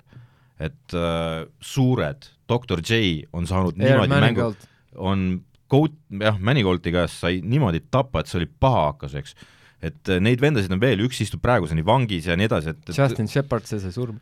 jah, et on väga palju mängijaid, kes äh, tegid õigeid asju, aga korvpalli kõrvalt tegid valesid jaa, aga seal on asju. pigem juba sellised nii-öelda inimlikud omadused, kus ei suudetud võib-olla selles nii-öelda organiseeritud äh, tiimi aga handle'i tulles nüüd, tulles nüüd selle sinu selle Steph Curry juurde ja me räägime ikkagi näiteks Eesti lõikes, eks ole, siis Eesti mängijatel on mõistlik kuulata, mida treener neile ütleb, sellepärast et ainuke võimalus kunagi jõuda nii kõrgele, et keegi sinust NBA-s võib-olla üldse räägib, on mängida Euroopas hästi ja selle jaoks pead sa mängima kõigepealt seda imelikku kinnist korvpalli siin. nõus, aga mina ütlen ka seda, et ka Ameerika mängijatel on väga vaja kuulata, mida treener neile räägib, sest äh, see, kui sa hakkad äh, kaheksandat lindu laskma, siis äh, sorry, aga sinna sa jääd ja ka omadega. väga paljud äh, nii-öelda keskpärased Ameerika mängijad, kes on Euroopas need äh, nii-öelda aab- korvpalli aabitsa läbi võtnud, ma ei tea, Markus Brauni näitel, kes äh, juhtis Venemaa Euroopa meistriks, eks, üks, noh, neid näiteid on nii meeletult palju, et äh, need ameeriklased, kes Venemaa Euroopa meistriks. Markus Braun J.R. Holden oli aa ah, jah, Holden oli jah, Holden Brown sees, sorry, minu viga, igal juhul eh, see, see, et nii paljud ameeriklased, kes seal ei saa nii-öelda seda, ma ei tea, ei saa unistuste liigasse, tulevad siia, saavad eh, nii-öelda selle euro-, nii-öelda korvpalli aabitsa võtavad läbi ja nad on, nad on märksa paremad mängijad ja on ka näiteid, et nad lähevad siis liigasse. ma arvan, et on täitsa eraldi teema sellest, kui suur on Ameerika korvpallimaastik tegelikult selle NBA taga. Nagu siin sai räägitud, NBA on täiesti kõrilõikalik maailm, see on usku-, nagu absurdseks muutunud, kui palju need vennad, kes on seal tipus või üldse nagu sees, kui palju nad peavad nagu trenni tegema, et see elu, see kogu see glamuur ja, ja mingid Russell Westbrooki seelikud, need me näeme ainult ole- pilte. see on ainult korraks pilt, see, mis selle taga on, on meeletu töö, töö, töö, ilma perekonnata oh,. ja sellepärast, sellepärast ma saangi aru, et äh, sel hetkel, kui see Westbrook oma kleidiga sinna mängule kõnnib, see on see hetk, kus ta on vaba, ta ei pea midagi tegema, jaa, aga see on pool tundi päevast, see seljas on. pool tundi sellest päevast, kui tal on mängupäev veel kõige lisaks, sest et ta hommiku otsa on olnud trennis, lõunaaeg on saanud korraks uinaku teha ja siis ta on oma kuradi seelikuga mängule tulnud mm. ja siis hakkab uuesti see rassimine, see noh, see ei ole nagu ühestki otsast Me meeletult glamuurne elu. kui sa vaatad nagu jube hea on Luka Dontšitši näiteks äh, Instagram, mis on kodupildid põhimõtteliselt, sest et need üksikud õnnehetked, kui ta saab oma pruudiga kuskil kodus olla ja neid ei ole palju. ja neid ei ole palju, neid ei ole palju, et, et vaadake nende mängugraafikut, nagu ma ütlesin, seitseteist mängu kuus ja need ei ole kodumängud, kurat võtaks, et nad on kogu aeg lennukis nõmedas hotellis, kus äh, kõikide nende meeste jaoks on voodid lühikesed aga. olgem ausad, selline sama asi on nüüd juba Euroopas ka mitte, mitte isegi liiga kõrgel tasemel, kõik, kes mängivad nii koduliigat Meie kui Kalev. Eurosarju, meie Kalev Cramo, et see on selles mõttes täpselt ja samasugune,. aga vahe on peaaegu kahekordne veel. lihtsalt et sa pead kujutama ette, et Aga tahan, oot-oot-oot-oot, kõik on see, et kõik siin- mehed tahavad öelda, et ma tahan NBA-s mängida. super, super hea point on see, mille tõi äh, ühe teema all kuskil, tõi Kristo Raudam välja, et NBA meeskonnad ja CSKA-d lendavad ikkagi põhimõtteliselt tšarterlendudega. Euroopas Kalev Cramo neli või ma ei tea, kaks kuni neli ümberistumist, et jõuda kuskile Bursasse, kuskile Türgi, ma ei tea kuhu, ja samamoodi tagasi, istud kell neli hommikul, lähed minema, istud lennujaamas. see on veel julmem isegi. jah, aga see ei ole nii vana asi NBA-s, et charterlennud on. Esiteks lennufirmad tulid sinna mõnevõrra taha vist ja, ja hinnad tehti sobivaks, aga mingisugused säkid ja värgid meenutavad aegu, kus nad lendasid lihtsalt niisama tava, tavalises ja lennukitega kui sa, kui sa, kui sa kuulad äh, mõnda, mis nagu Birdist või nendest päris kaheksakümnendate mängijatest, nad lasid ju tavaklassis, neil ei olnud isegi, neil ei olnud isegi first class ja, ja ei, ticket'i. selles mõttes, et see, see ei ole nii, nii vana asi, et kogu aeg seal oleks mingid hullud mina olen lennanud äh, mingis väikses, üliväikses minilennukis koos äh, Milano Armani meeskonnaga ja istunud David Mossi kõrval. kahene rida oli ja mina olin surutud akna alla, sest Mahtusid Moss ei olnud nõus akna alla istuma, kuigi tema koht oli ja mul oli väga ebamugav, aga õnneks oli ainult äh, Vilniusest äh, Riiga vaja ja lennata. siis äh, charterlennud, need on ka neil suhteliselt paksult täis, sest et kogu meediameeskond, kõik, kõik see mansa on seal kaasas. Mansaft on ka see, jah. et äh, ja siis minnakse, istutakse tavalisse Greyhound bussi ja oodatakse selle lennuki kõrval nii kaua, kui kaup on peale laaditud ja nii edasi ja nii edasi, see on päris rõlge elu ka selle charterlennuga. Nõus. kodus sa ju ei ole, sa istud lennukis. kuule, aitab küll äkki tänaseks, see hakkab jube näpu vahelt ära minema, mingi kaheksa tundi on täis, palju õnne siis Siimule, kes peab seda tunni lõikama. ma tahtsin mingi jumala hea asja öelda, aga mul läks täiesti meelest ära see. Hardol oli õigus. ühesõnaga täna. ei olnud. see on äh, ei, ma patsutasin mõlemat ju õlale, ega ei saa see tegelikult öelda, et mündil on kaks poolt, et äh, noh, ma nagu arvan, et see on täiesti eraldi saate teema sellest, kui rõlge on ühe korvpalluri elu, kuhu poole kõik hirmsasti püüdlevad. et kui raske see on, et kõik näevad ainult seda palganumbrit seal taga.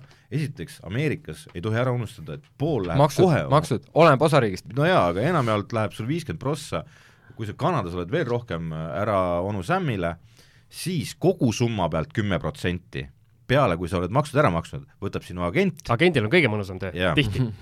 ja, ja siis, siis hakkab see pihta, et nii palju raha nüüd on mul alles. ja seda, seda summat seal ei ole nii palju. et äh, need palganumbrid on kõik ilma nende maksude ja igasuguste tasudeta ja tavaliselt. kui lisada veel sinna, et keskmine NBA mängija on äh, nii-öelda rahatarkuses sama kaugel, kui meie oleme mänguliselt ma NBA-st, ma ei ole No- nõus. selles mõttes on teinud NBA viimased äh, palju samme edasi jah. on teinud väga ränkrasket tööd, et vältida neid kurbasid lugusid äh, sellest Win. Bakerist. Anton Walker oli kõige Walker oli kõige hullem näide jah, et, et vältida neid lugusid, on need finantsnõustajad puistatud sinna nagu, nagu no aga come on, kui Tyler Herro tuli ja oma selle rookie contract'i selle nii-öelda pildina välja võeti, mis ta oma esimese miljoni eest ostis, siis see oli päris, päris kole vaadata. jah, aga samas on jälle see, et ma ütlen, need, seal võetakse neid asju väga palju tõsisemalt ette ja teine asi, mis on äh, NBA-s meeskonnad ise muutnud oma sees, on see, et vanemad mängijad võtavad need noored oma hõlma alla ja teevad Nagu menta- mentorina. jah, nad teevad just rahaasjades, teevad neile selgeks, kuidas elu käib nagu. aga see Ameerika see kultuurivärk on see, et äh, kuna, kui keegi kuskilt uudist saab äh, sinna Marjamaale, kas siis äh, tippsportlasena või ma ei tea, muusikuna, siis sul on ühel hetkel on sul viiskümmend mingit äh, ma ei tea, kauge Mhm. nii-öelda kauged kasinid, kes tahavad ka oma osa ja käivad sul äh, turvamehe ja ma ei tea kellena kõik kaasas ja siis on veel nii-öelda see piirkond, kust sa siis pärit oled, et isegi kui sa oled täiesti mingi noh, lihtsalt sa saad selle lepingu, võib-olla pead minema G-liigasse, siis see su see piirkond on ikka su suurimad fännid et sa justkui ja vastutad kogu mingi, ma ei tea, ma ei tea kelle eest ja see raha hakkab äh, nii-öelda pudenema sinna allapoole ka. ja ega selles mõttes ma mõtleks nagu noor kol-, korvpallurina ma mõtleks tõeliselt, kuhu ma jõuda tahan, eks. et äh, kas see on see elu, kuhu mind juhatatakse, Ameerikas on see ainukese variandina, kusjuures kui sa oled hea korvpallur, siis kõik näevad sind ainult NBA-s, just see oli see teema, mida ma tahtsin lõpus sisse tuua, vaata sa ütlesid, et see Ameerika korvpall on ülilai nagu ka pärast NBA-d ja Ja. üks põhjus on see, et Euroopas nii-öelda võtame kas või Eesti siin, kui sa kaheksateistaastasena või ma ei tea, kahekümneaastasena kuskilt ülikooli lõpetad või kakskümmend üks või mis iganes ja sul ei ole piisavat sissetulekut korvpallurina, sa ra- rahulikult lõpetad ära, lähed äh, nii-öelda tootvale tööle ja elad rahulikult edasi. USA-s ju needsamad vennad, kes tulevad siia meile mis iganes äh, meeskondadesse, kas või esiliigasse mängima sooja toidu ja öömaja eest, need mehed usuvadki, et nad äh, peavad selle nii-öelda kõige madalama oru läbi käima ja siis jõudma kuskile NBA-sse, neil on see nii, nii tähe, nii pähe taotud minu äh, nagu hirm on see, mida need mehed siis teevad, kui nad kahekümne üheksaselt äh, vaatavad, et nad on ikka kuskil kuradi Katrinas. äh, jah, Usbekistani liigas kuskil viimases tiimis äh, saavad viissada eurot äh, võib-olla kätte heal juhul ja no see on rohkem, kui nad Ameerikas saaks sama töö eest, aga üks asi on see, et äh, ah, ka neid filme on päris palju, kuidas mingid vennad oma laste ja see on, need on väga drastilised, nagu kohutavad filmid minu arust, kus, kus keegi oma laste ja naise kõrvalt äh, läheb kuskile täpselt mingisse Usbeki liigasse mängima, eks ole, sai-, sandi saiaraha eest ja ta jätab naised-lapsed koju sinna hädasse kuradi arvete otsa ja nii edasi, et see on, need on päris absurdsed näited, et ammu oleks aeg lõpetada, mine, mine ei no aga neil on see samas, kui ta on probleem, kahekümne aastane, siis veel ei lõpe, noh, ei no neil on see probleem, et isegi kui nad lõpetavad, neil ei ole mingit äh, Skilli- haridust- neil ei ole mingit oskust millega elus hakkama saada. ülikooli teema on, seal on see, et äh, kogu draft tuleb Ameerikas ülikoolist.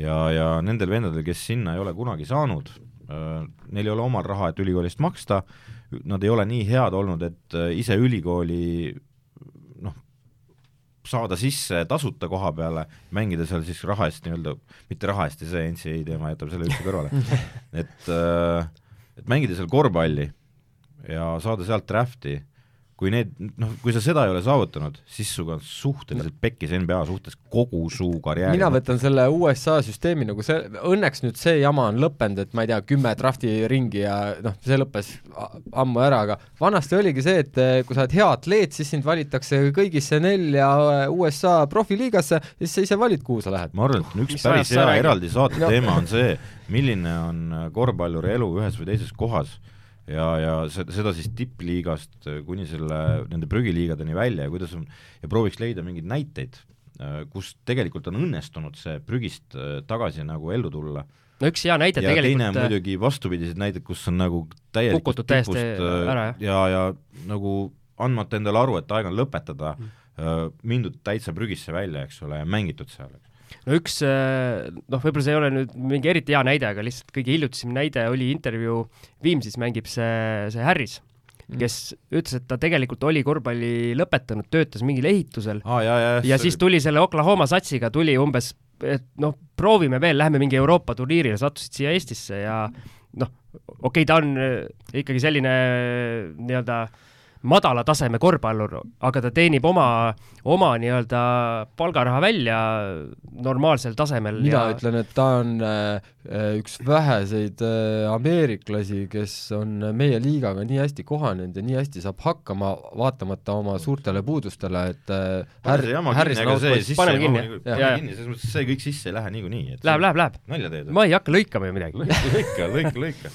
ei no sa pead lõikama, ma arvan, see palju pikk see on juba, aitab küll. meil on üks kakskümmend viis ja me jätame selle kõik sisse, et Otto saaks ka kuulata, mida me siin rääkisime Ter. aga tervitused Ottole mälumängul. jah, aga ma arvan, lõpetame siia paneme, paneme punkti, jah. jah, aitab, olge tublid ja kuulake järgmisi saateid. tähendab, tulemus on see, et tulemus, tegelikult me leppisime, kes ta, kes on terve selle saate ära kuulanud. me leppisime Viiki. ja me leppisime jaa, sest no Ardo võitis natukene, natukene no, vanuse koefitsient. ma ikkagi, ma ikkagi tulen tagasi selle ma, ma tulen tagasi selle juurde, nagu äh, Priit Tomsoni raamat algab äh, sõnadega, et äh, korvpall on maailma kõige, kõige ko, korvpall on kõige ilusam mäng ja armastagem ja mängigem seda. just.